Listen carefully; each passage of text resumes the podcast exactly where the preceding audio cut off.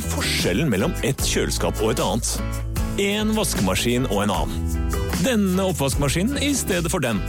Velger du Bosch, får du slitesterke produkter som verken sløser med vann eller energi. Rett og slett bærekraft som varer. Like a Bosch.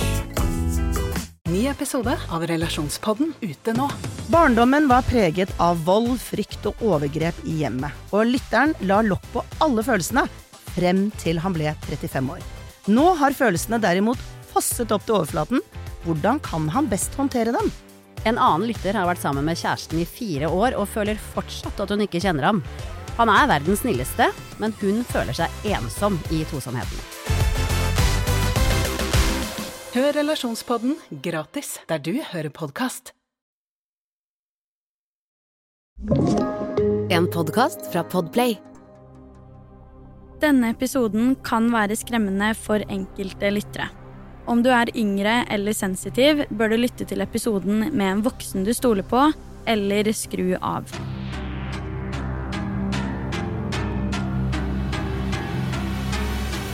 Hei og velkommen til en helt ny episode av Forsyningsfredag podkast. I denne ukens episode skal jeg ta for meg en forsvinningssak som jeg selv ikke hadde hørt noe særlig om før jeg ble tipsa om den av en av dere. Denne saken er nok en forsvinningssak som blir beskrevet som både bisarr og uforståelig. Saken har fått internasjonal oppmerksomhet, men den er likevel ikke en av de sakene vi nødvendigvis hører mest om. Denne ukens sak omhandler forsvinningen av Maura Murray, og den går for å være blant de første sakene som fikk oppmerksomhet i moderne sosiale medier, og som fikk kjenne på det helt fra starten av. La meg aller først fortelle deg hvem Maura Murray var. Maura ble født 4. mai 1982 i Brockton i Massachusetts, men hun vokste opp i en liten forstad som het Hansen. Her bodde hun sammen med foreldrene sine Fred og Laurie, i tillegg til sine fire søsken, nemlig Fred jr., Curtis, Kathleen og Julie, og i denne rekken så var faktisk Maura yngst. Murray-familien var en familie i middelklassen med en far som var medisinsk tekniker, og en mor som var sykepleier. Dessverre skiller foreldrene til Mora seg da hun bare var seks år gammel. Det virker utrolig nok ikke som at det den gangen ble ytra noen negative følelser rundt denne skilsmissen, i hvert fall fra Mora sin side. Og det virker som at alt dette gikk sin vante gang, og at barna hadde et like godt forhold til hver av foreldrene. Mora var det man vil anse som et vidunderbarn. Hun var nemlig helt ufattelig god både akademisk og atletisk. På skolen så fikk hun toppkarakterer, mens atletisk var hun med på så å si alt som hadde med sport å gjøre, som også gjorde at hun ble mer og mer interessert i konkurrerende basketball, som igjen ga henne muligheten til å kunne reise rundt i New England som tenåring. Ikke nok med det, Mora hadde også den lengststående rekorden for sprint på skolen sin, og plasserte alltid topp ti i de forskjellige grenene hun deltok i. For å si det sånn, Mora var en vinnerskalle som elska sport og konkurranse. Da hun var ferdig på videregående, sto tilbudene bare og venta på henne.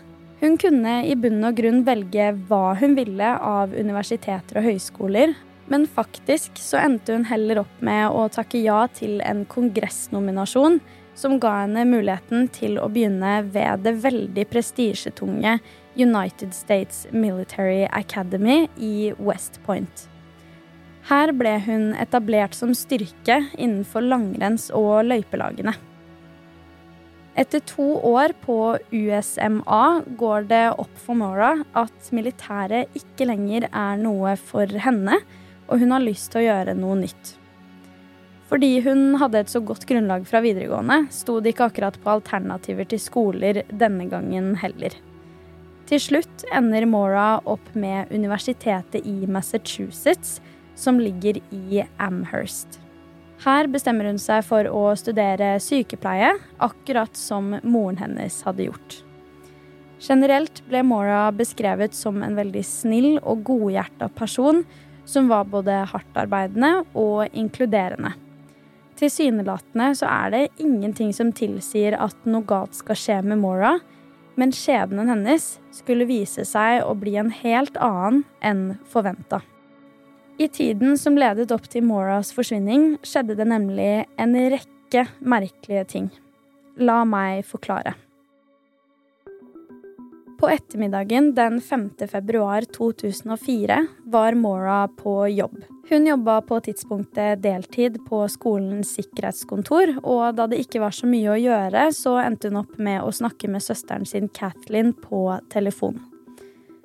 Hva denne samtalen omhandlet, fikk vi egentlig ikke vite før i 2017, men innholdet var rimelig trist. I 2017 fikk vi nemlig vite at denne samtalen omhandlet problemene Kathleen hadde med forloveden sin på privaten. Før jeg forklarer innholdet, er det viktig at du vet en detalj om Kathleen. Hun hadde nemlig nylig vært innlagt på avrusning da hun var alkoholiker. I forkant av denne samtalen hadde Kathleen endelig blitt ferdig med behandlingen og ble derfor plukket opp av forloveden sin etterpå.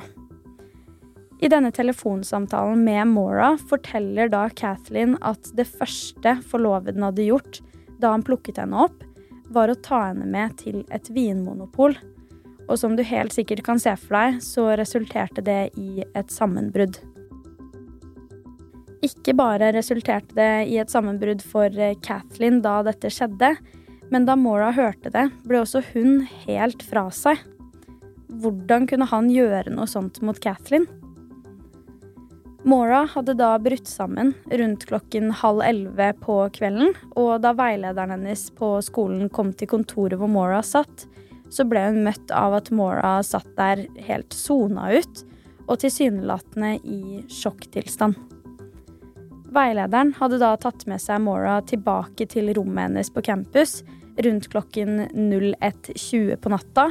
Og da hun spurte hva som var galt, klarte Mora kun å si 'søsteren min'. To dager etter denne hendelsen fikk Mora besøk av faren sin, og han bodde da på et motell i nærheten. I ettertid har faren fortalt at han og datteren hadde vært og kjøpt bil denne dagen, før de dro og spiste middag med en venn av Mora på kvelden. Mora lånte da bilen til faren sin denne dagen, og kjørte da for å slippe av han på motellet etter middag, før hun selv kjørte til campus for å være med på en fest der. Hun kom til festen ca. klokken halv elleve på kvelden, og hun forlot festen ca. halv tre på natten. Etter festen var hun visstnok på vei til farens motell, og på veien så hadde hun klart å krasje bilen til faren sin så mye at de hadde måttet betale nesten 10 000 dollar for å reparere skadene. Politiet kom naturligvis til ulykkesstedet, og det ble skrevet en skaderapport, men det er ikke rapportert om at hun ble testa for promille. Politiet kjørte da Mora til farens motell, slik at hun skulle tilbringe natten der. På morgenen dagen etterpå får faren beskjed om at skadene vil bli dekka av forsikringen hans, så det eneste de behøvde å gjøre, var å fylle ut skjemaene til forsikringsselskapet, slik at ting ble riktig og de faktisk ville få det dekka. Faren leier seg da en bil og kjører Mora tilbake til campus kort tid senere, før han tar et fly til Connecticut. Faren og Mora blir enige om at de skal ringes dagen etter, rett og slett for å finne ut av dette med forsikring, og sørge for at de skriver inn ting riktig.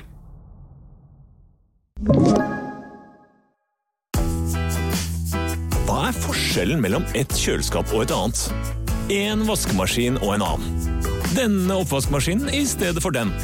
Velger du Bosch, får du slitesterke produkter som verken sløser med vann eller energi. Rett og slett bærekraft som varer.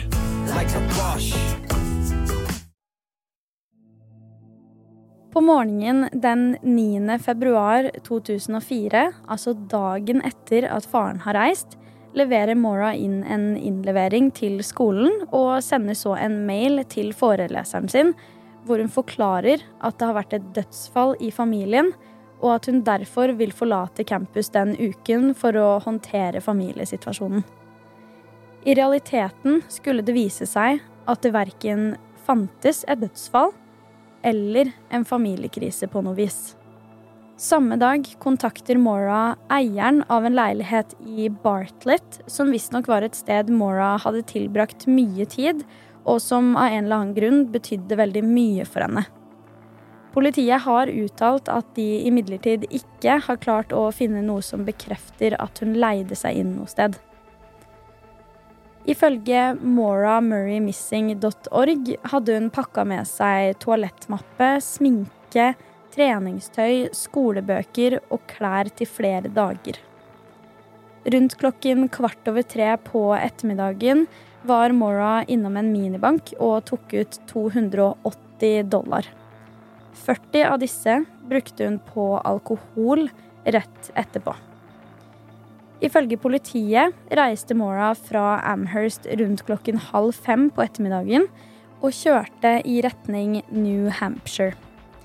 Mora Murray hadde ikke fortalt noen som helst om hvorfor hun i det hele tatt skulle i den retningen, eller hva hun skulle for den saks skyld.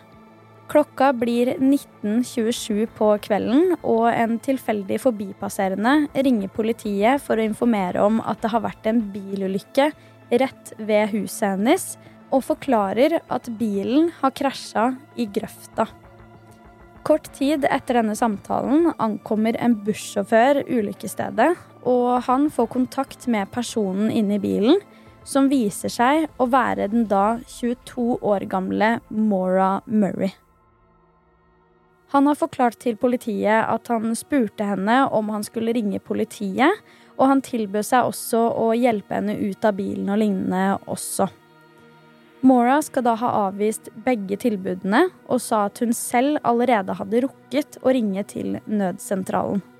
Bussjåføren skal ha sagt i ettertid at han ikke hadde noe dekning på telefonen sin, så han kjørte derfor hjem til seg selv igjen og parkerte bussen for å da ringe til politiet og forklare hendelsen. Da han snakka med politiet, forklarte han at han syntes Mora virka som at hun var forvirra på en eller annen måte, men at han ikke kunne se at hun hadde noen skader. Han så ikke noe blod eller noe lignende. Som et resultat av denne telefonsamtalen sender nødsentralen en politipatrulje til det aktuelle området ganske med en gang, men da politiet ankommer stedet, så er Maura Murray ingen steder å finne. Politibetjenten som først kom til åstedet, gjør umiddelbart undersøkelser av bilen for å se om han kan se noe tegn til noe som helst. Han bemerker seg da at bildørene er låst, og han ser også en dunk med rødvin bak førersetet i bilen. I tillegg så var det noen flekker både på innsiden av døra og i taket. Og betjenten fant også en colaflaske som så ut til å ha rødt flytende innhold i seg. Politibetjenten tok igjen kontakt med bussjåføren som først ringte politiet etter ulykken, og spurte om han kunne hjelpe til med å søke etter henne, ettersom at han var sist person til å se henne. Politiet ber da bussjåføren om å søke i retning vest av ulykkesstedet, og da blir også en politimann med han å lete i denne retningen. Brann og ambulanse ble også kobla på, men ambulansetjenesten ble raskt avvikla da det ikke var noen de kunne behandle eller lignende. Så vidt vi vet, er det faktisk ingen som søkte øst for ulykkesstedet, som er rart, fordi man vet jo ikke hvilken retning Mora har kommet seg, eller hvordan hun har forsvunnet fra bilen sin i utgangspunktet. Da søkene etter Mora ikke ga noen resultater, meldte politiet henne offisielt savnet klokken tolv på formiddagen dagen etter. Siden den gang har ingen sett henne. I ettertid av forsvinningen har politiet og frivillige lagt inn en vanvittig stor innsats i søken etter å finne stakkars Mora, men dessverre har ingenting gitt noen resultater for etterforskningen. Siden den gang har det heller ikke vært noe som helst aktivitet verken på Moras telefon eller bankkontor, så etter den bilulykken forsvant hun rett og slett sporløst uten å legge igjen noe som kunne tilsi hvor hun var, eller hvor hun skulle. Som jeg nevnte innledningsvis, er denne saken ganske unik på flere måter. Det skjedde jo nemlig bare noen dager etter at Facebook ble grunnlagt.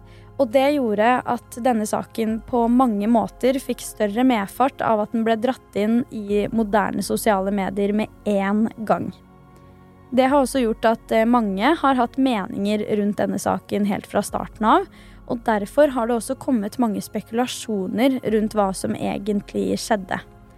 Blant annet har noen tenkt at hun kunne ha vært gravid og derfor rømt av sted. Andre mener at dette omhandlet noe psykisk som kanskje ikke hadde vært snakket om før, og heller ikke da loggført hos leger eller lignende.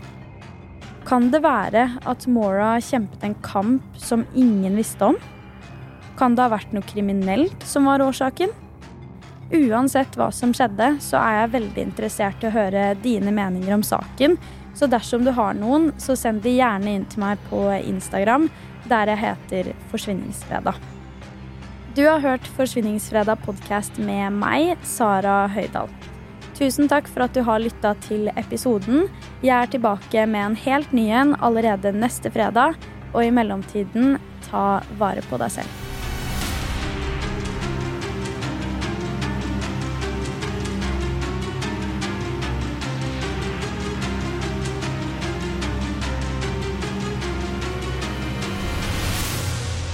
Du har hørt en podkast fra Podplay. En enklere måte å høre podkast på. Last ned appen Podplay eller se podplay.no.